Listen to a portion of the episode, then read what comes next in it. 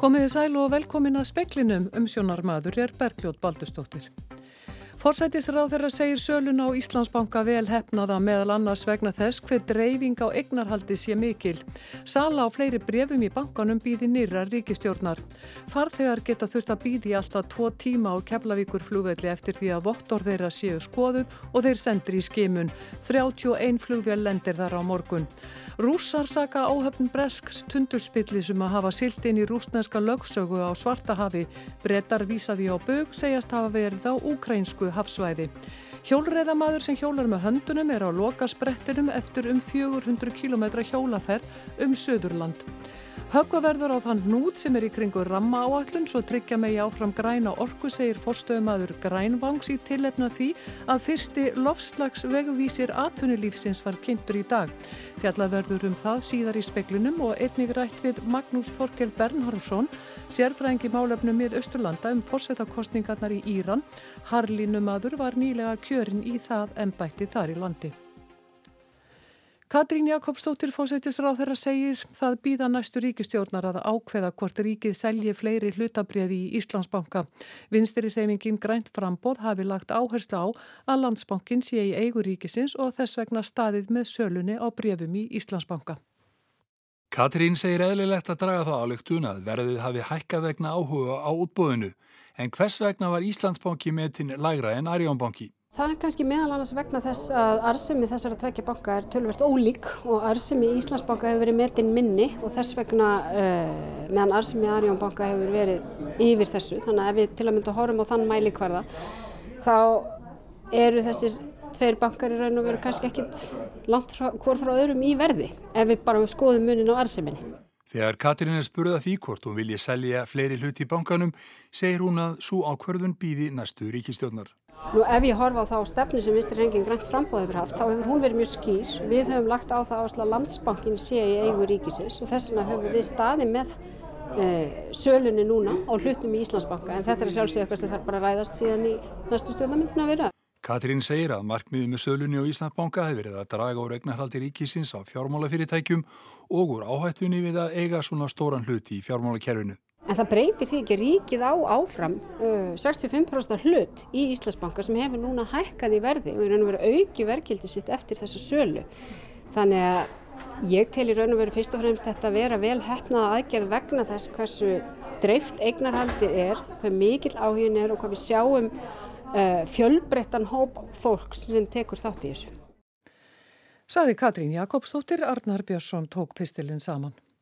31 flugvél lendir á Keflavíkur flugvelli á morgun og hafa þær ekki verið fleiri frá því koronaviru faraldurinn braust út.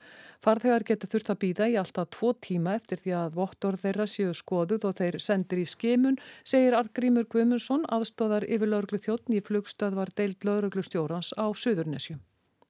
eins og staðinni núna þá gengur þetta bara vel en hann ætla að fjölga farþögum og, og ekst álægið og byrja þeir lengjast og svo spurning hvað fólk hefur mikið þól í það.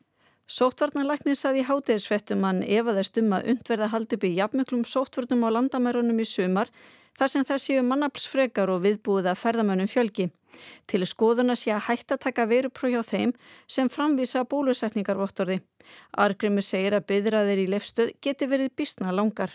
Það er 31 flugamorgun sem er stærsti dagur þá því að COVID byrjaði og mæntalega rúmlega 4000 farþegar að koma til landsins þannig að það var búist því að vera einhver byggtími inn í flugstöðinni í röðum áður en þau komast úr sínatöku. Veistu hvað fólk þar stundum að býða lengi bara eftir að komast að desknum þarna það sem er skimað? Já, ég er svona, svona skjótansut í lofti en, en ég geti uh, ímyndað meira að það sem að þeir sem að þurfti að býða lengst það þurfti að býða eftir tvo tíma. Verður fólk pyrrað? Við reynum að upplýsta fólk eins vel og hægt er og, og jú, ég auðvitað verði einhverjir, einhverjir svona pyrraðir eins og orðara og er að koma löngu flugi og þurfa svo að standa hér í flugstöðinu í, í tvo tíma og býða eftir að koma til sínatöku. Já, það gerist alveg.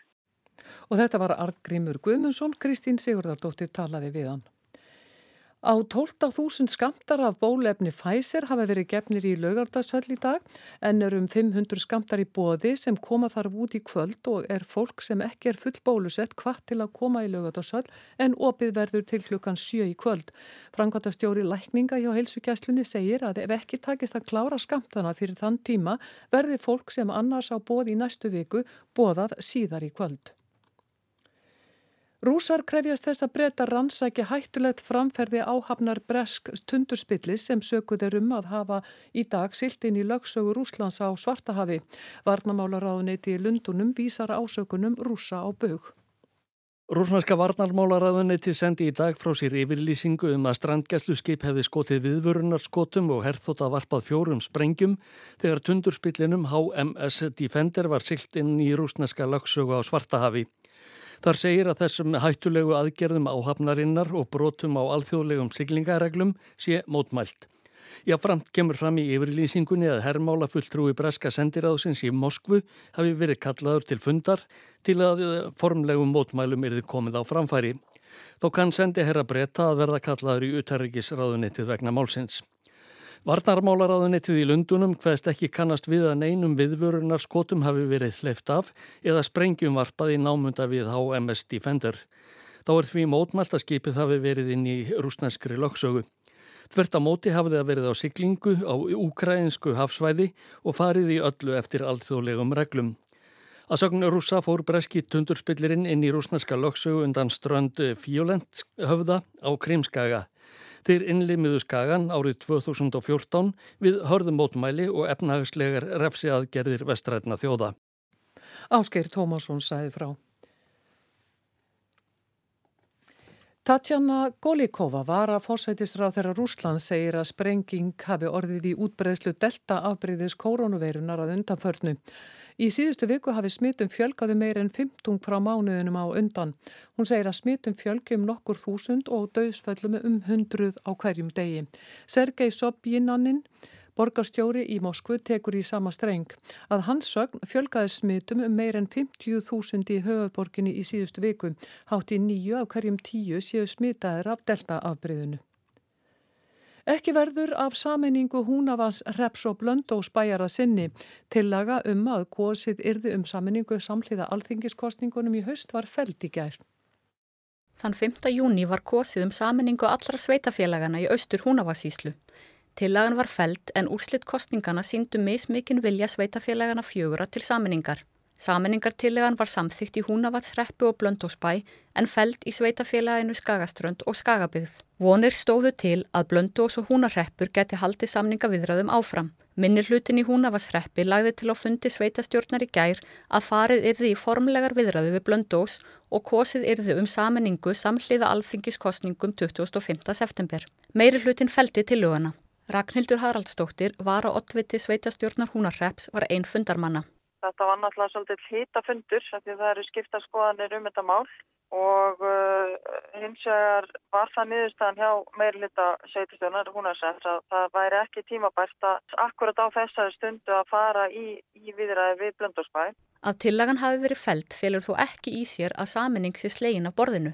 Við þurfum bara að gefa okkur aðeins meiri tíma í þetta og við, eins og ég segi, það er bara mikilvægt að árétta að við séum ekki að hafna viðræði við blöndórsbæ heldur bara að teljum við ekki tímabært að gera að fara að rjúka strax á staði í þessa vinnu í sumars. Sagði Ragnhildur Haraldsdóttir, Anna Þorbjörg Jónasdóttir talaði við hana. Arnar Helgi Lárusson, formaður samtaka endur hæðra mænuskatara, stefnir nú hraðbyri að Selfossi eftir 400 km langa hjólaferð en Arnar hjólar með höndunum. Arnar Helgi læði að stað frá höfn í Hortnafyrði klukkan fjögur í gær og hefur hann hjólanar sleitulust síðan. Þegar fréttastofa náði talið að varnar undir eigaföllum saðan ferðin af að gengi ágætlega en hann stefnir á að koma í mark um klukkan halv sjö. Það var erf ekki nótt, það var sér, sko, svo mikið kuldi og ég heila bara fröys þannig að ég þurfti að stoppa á klustri og í þrjá tíma alltaf náðu upp hitta bara, skjálfundi klukkutíma og veist, þannig að en á öðru leiði gengi bara aðeinsla. Arnar hjólar til þess að minna á mikilvægi reyfingar fyrir reyfihamlaða. Markmið er sapna fér til kaupa á fjórum ramagsjólum fyrir reyfihamlaða. Arnar saði lítið að koma sér óvart á leiðsynni, annað en veðrið. Ég ákvaði að fara svo leið út af því að það var sagt að vera alltaf austanátt, en það er búið að vera vestanátt allan tíman. Þannig að ég átti kannski meira að vona á meðvindi, ekki mótund alltaf tíman. Sagði Arnar Helgi Lárusson, Andri Magnús Eisteinsson tók saman.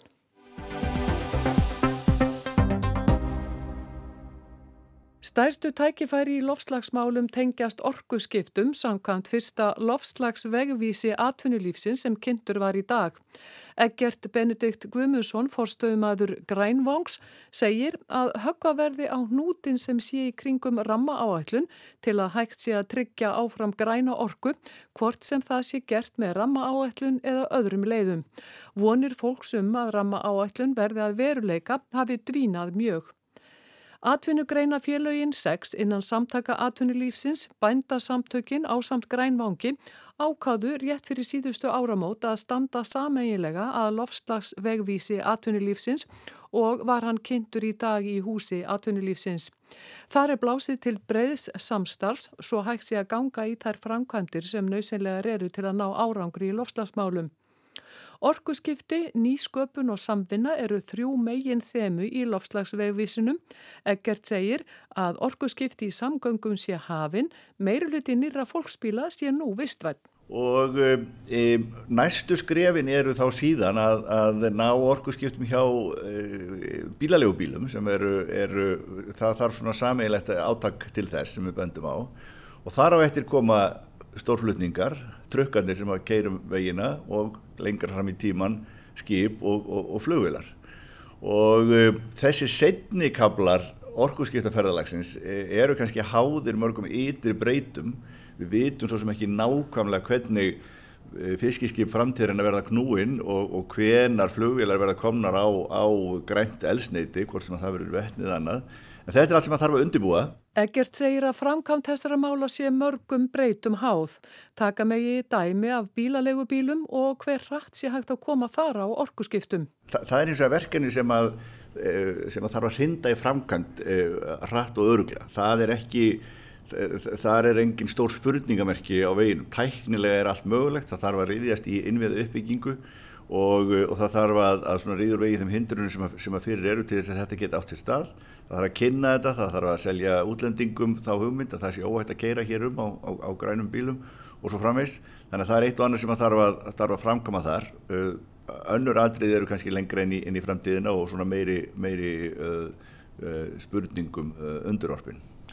Sko, hvað þarf að gerast til þess að þetta verða veruleika? Ég menna, þurfa stjórnveld að koma sterkar fram, fjármagna, uppbyggingu, innviða, Hva, hvað þarf að gerast? Já, það er meðal annars það sem að, og við, við bendum á það einmitt í, í, í, í, í vegvísinum, mikið af þessum atriðum sem að, sem að þarf að hlinda þetta framkvæmt byggja einmitt á náinni samvinnu stjórnvalda og, og, og atvinnulífs. Við, það stýr annars vegar um uppbyggingu til dæmis innviða, það snýst um aðgengi að grænni orku Framleiða þurfi græna orku og hafa hana aðgengilega um allt land. Því þurfi að riðja úr vegið þeim hindrunum sem hafi komið í veg fyrir orkuframleiðslu.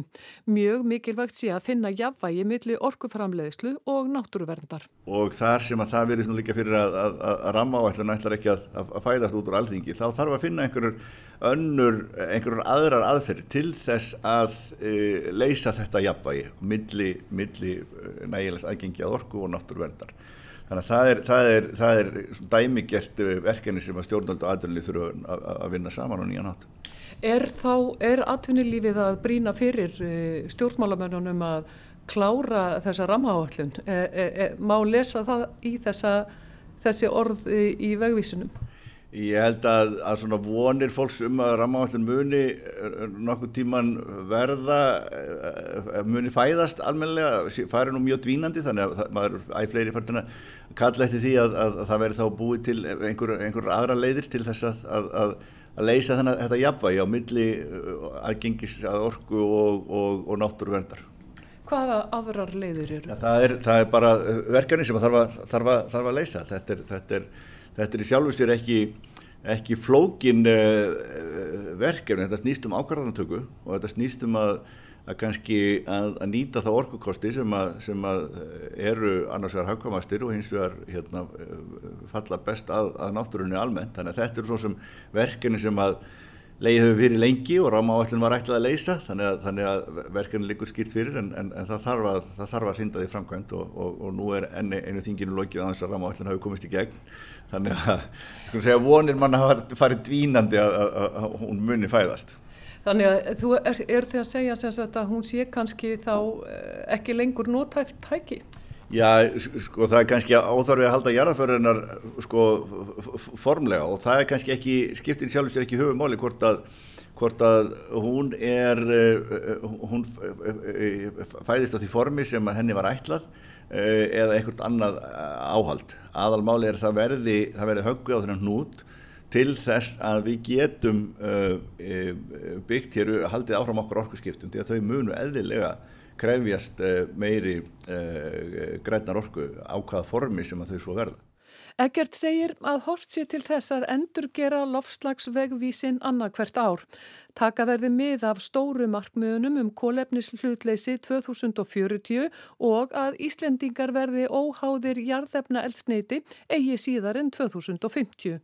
E, við erum að sjá hérna heildarmyndi yfir það sem aðunlífi þarf að gera til þess að, að, að, að ná uh, þessum markmiðum sumt uh, sumarlausnindar höfum við góða yfir sín yfir og sjáum alveg hvernig hver, það er bara svona framkvæmda aðrið önnur eru, eru floknari og, og fleiri utanakomandi breytum háð e, en, en það er bara gríðalögu vilji og það er ekki síst það sem að kannski endur speklist í þessu bara gríðalögu vilji aðunlífsins til þess að taka til hendinni á sameigilegan og skipulegan hátt til þess að ná þessum markmiðum og vinna uh, náið með stjórnvöldum uh, við það. Þannig að, þannig að það er kannski ekki sísti, sísti ávinningurinn uh, af, af, af því að gefa út uh, svona plagga, hann liggur, hann liggur ljós fyrir.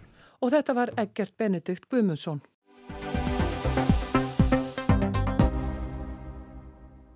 Nýr fórseti var kjörn í Íran í síðustu viku og tekur við ennbætti í lok ágúst.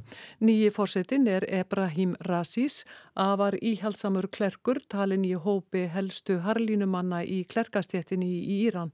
Bója Ágússon tekur við.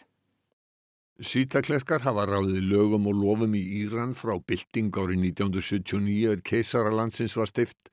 Þing og fórseti hafa takmörkuð völd. Ráð íhaldsamra klerka ræður mestu Einnig hverji fá að bjóða sér fram. Fráfarandi fósiti Hassan Rouhani var talinn frjálslindari en klerkastjettin almennt og að þessu sinni fengu aðeins íhaldsamir að bjóða sér fram. Ebrahim Raisi var kjörinn fósiti, hann er í nánum tengslum við erki klerkin Ayatollah Ali Khamenei, æðsta valdamann Írans. Speilin rætti við Magnús Þorkel Bernhardsson, professor við Williams College í Massachusetts í Bandaríkjónum og sérfræðing í málefnum í Östurlanda og spurði hverju kjör hins nýja fósetta breytti. Í raun og veru breytir það ekki mjög miklu núna fyrstum sinn. Hann þetta er algjörlega handvalin af, af æstaklerkinum Ali Khamenei og það var einmitt tilgangur með því að ná þessu manni hann inn í þetta ennbæti var til þess að halda áfram stefnumálum æðstaráðsins. Þessi maður er mjög íhaldsamur og mun þar er lendi framfylgja raun og veru markmiðum æstaklerkana sem eru hafa stjórnar nánast öllu í Íran en það sem er áhyggjafni fyrir þennan nýjan fórsetta að, að það var svo stór hluti þjóðarinnar mætti ekki að kjörstað og af þeim sem mætti að kjörstað þá skiluða næstu eitt þriðji auðu í þessum kostningum og með því voru það sína óaníu sína með stöðu mála í landinu. Þannig að þó svo hann fekk hérna mjög góða kostninga ykkur leiti þá er verulega mikið verkefni framöndan hjá honum að reyna að tryggja það að þjóðin mun vera saminist í, í, í bakvið hann. En enn sem komið er þá, þá er þetta kannski svona, svona uppskriftin af ákveðinu svona status quo í, í Íran. En á sama tíma er Íran núna í mjög aðteklisveri stöðu í Vestur Asju eh, þegar maður skoða svona heildarmyndina bæði miðusturlöndum og í Asju þá eru Íranir búin að koma sér svolítið vel, svona ára sínum vel fyrir bát mm. og það er það spurning sko, ef, þú veist, Íran er kannski það land sem ætti að fylgja sérna best með ef maður vil svona vilja vita hvað hva taktur mun slá þarna í Asju. Nú sjáum við að uh, Íran hefur verið, eins og þú segir, uh, leikið líkil hlutverk uh, í mörgum löndum í nákvæminu og í stjórnmálu við miðausturlöndum Nú er að verða mikla breytingar bæði í Afganistan þar sem að eh, bandaríkjaman og, og eh, vestræðinni bandamenn þeirra eru að eh, fjallega sitt herlið og svo hafa orðið stjórnarskipti í Ísrael. Mm -hmm. Það gætu orðið verulega breytingar á landslæginu í miðusturlundum núna á næstu bara vikum. Já og, og, og næstu mánuðum og þetta verður kannski að ykkur leiti standa í Íranu núna með pálmann í höndunum. Það líka tiltúlan í stjórnkomin í Washington sem eru tilbúin til að ræða meira við Írana og er að velta fyrir sig sko nýja uh, kjarnokkursamningi og, og hvort að þetta aflétta viðskiptaþingunum á Íran og þar leiðandi kemur að ísi svolítið inn kannski gæti þar að leiðandi verið sá sem kemur með þessa góðu fréttir að það verið aflétta þessu viðskiptaþingunum sem eru, hafi verið mjög erfiðum, erfiðar fyrir Írani En ljá, staðan líka bæði í Afganistan og í Írak, helstu óvinnir Írana á log 20. aldar eru núna farnir fyrir bí. Stríði í Sýrlandi eða það er búið svona nokkur neginn svona ljúka því það sem Íranir hafa í raun og verið stjórnaðallu. Þannig núna líta Íranir svo á að eh, bæði til austus og vestus er helstu óvinnir þeirra farnir. Þeir hafa núna nánast aðgangað miðjur að hafinu. Þeir eru núna með svona öðruvísi stjórn í Ísrael sem er þeim finnst vera veik stjórn og, og þar að leiðandi telja þeir núna að þeir eru með mjög sterk tengslu við norði við Rúsland, þeir eru með mjög góð tengslu í Kína, þannig að það er eins og Íranir lítið svo á að þeir standa núna svolítið með pálmann í höndunum en ástandi innanlands er mjög alvarlegt uh, efnaðslega séð og svo er líka, er ekki endilega ljóst hversu mikið þjóðin í raun og veru stendur bak við þessa ríkistjórn og þessa áherslu sem núvarandi valdhafar hafa. Við höfum séð fyrr í Íran að það hafa orðið uppþótt á óverðir og mannfall eh, eftir kostningar. Núna að þá fengu aðeins örfáir handvaldir af íslenskum klerkum frambjöðundur að bjóða sér fram og auðvitað engar konur. Já og þetta getur ekki talist uh, líðröði. Nei, en, en því held að íransk stjórnvöld þeir vita þetta bara eina leins að þeir geta náð að halda völdum og þeir eru ekkert einsni að nenna að þykjast að vera með ykkveðs konar þáttöku líðræði og ég held að líka stöðningsmenn þeirra, þeir sem þeir svona treysta á, eru ekkert að vera að pota eitthvað þetta fingur í þetta. Kynvera rússar, tyrkir sem eru svona náni samstagsmenn Írana, þe þeim er alveg sama um þetta fyrirkomala svo lengi sem að það sé svona stöðuleiki í Íran fara þeirra bætir um séð og treysta því að eða er eitthvað svona múður innansland að þá geta þeir bara Íranir algjörlega farið inn á, á, á þá braut og, og komið vekk fyrir anstöðu og þess má geta að Raisi, þessi ventilegi nýja fórseti Írans, hann var mjög öflugur að nýjunda áratunum eh, að, að að klekja á pólitískum anstæðingum og fjölda aftökur árið 1988-1989 100.000 manna hörfu bara eins og Suður Ameríku á 7. og 8. ára 20. aldar þannig að hann hefur svona ákveðna reynslu í þessu málum að þurka út pólitíska anstæðinga þannig að ég efast um að það veri á næstunni mikið um svona og opnar viðræður og umræður í Íran um, um stöðum mála á framtíð landsins og þeir sem stjórn þessu landi þeir vita hvernig að beita valdatækjunu þannig að, að tryggja eigin stöðu og þeir ekkert að veigra sér við það að nýta þessa, þessi valdatæki til þess að hveða algjörlega niður allt uppsteitt.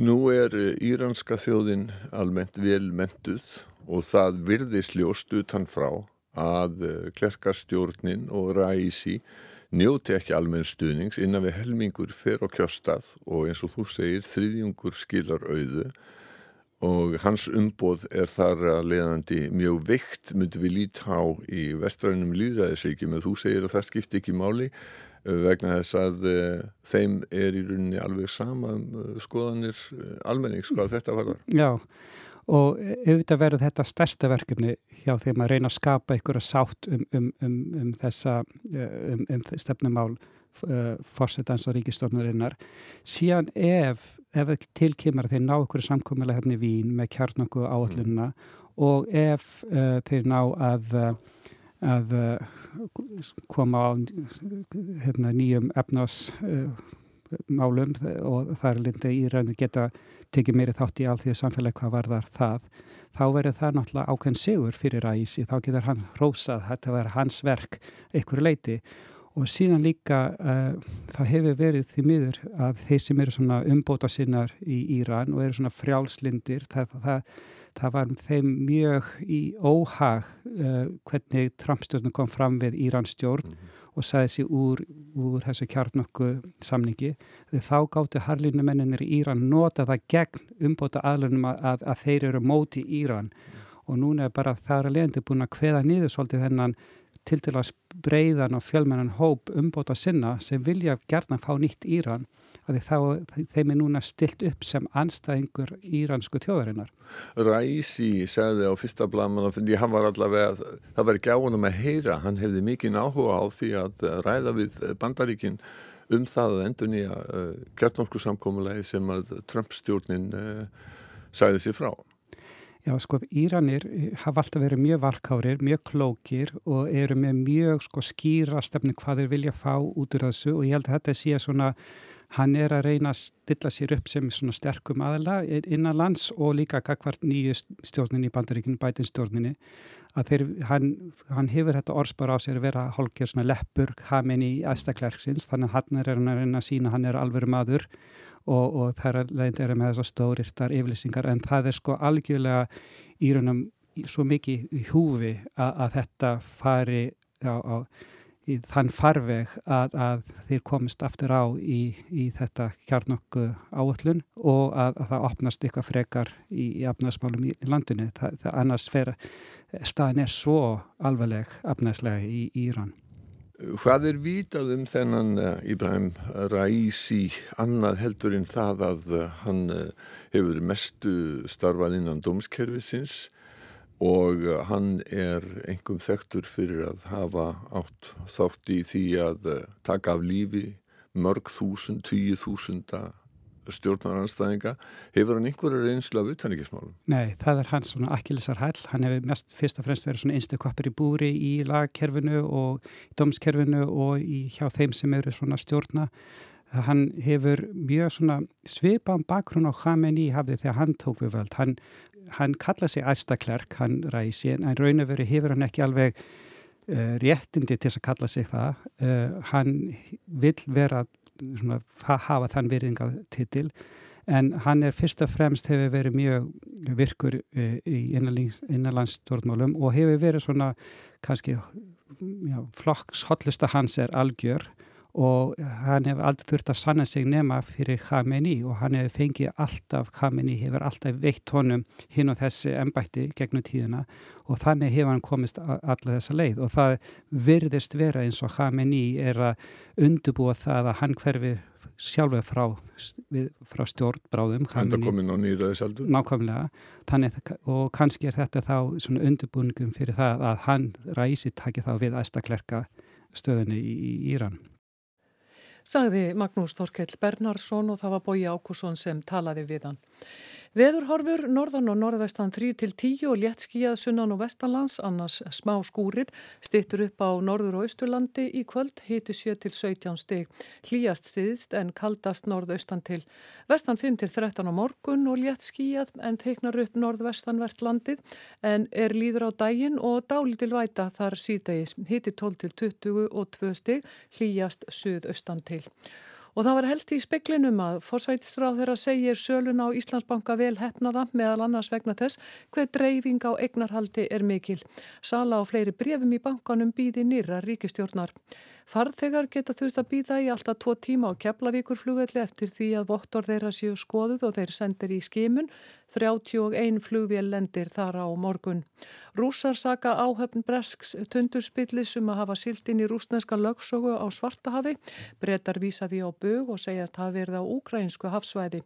Hjólræðamadur sem hjólar með höndunum er á loka sprettinum eftir um 400 km hjólaförnum Suðurland til að minna á mikilvægi reyfingar fyrir reyfihamlaða og högva verður á þann nút sem er í kringum ramma áætlun svo tryggja megi áfram græna orku, segir fórstöðum aður grænvangs í tilefna því að fyrsti lofslagsvegvísir atvinnulífsins var kynntur í dag.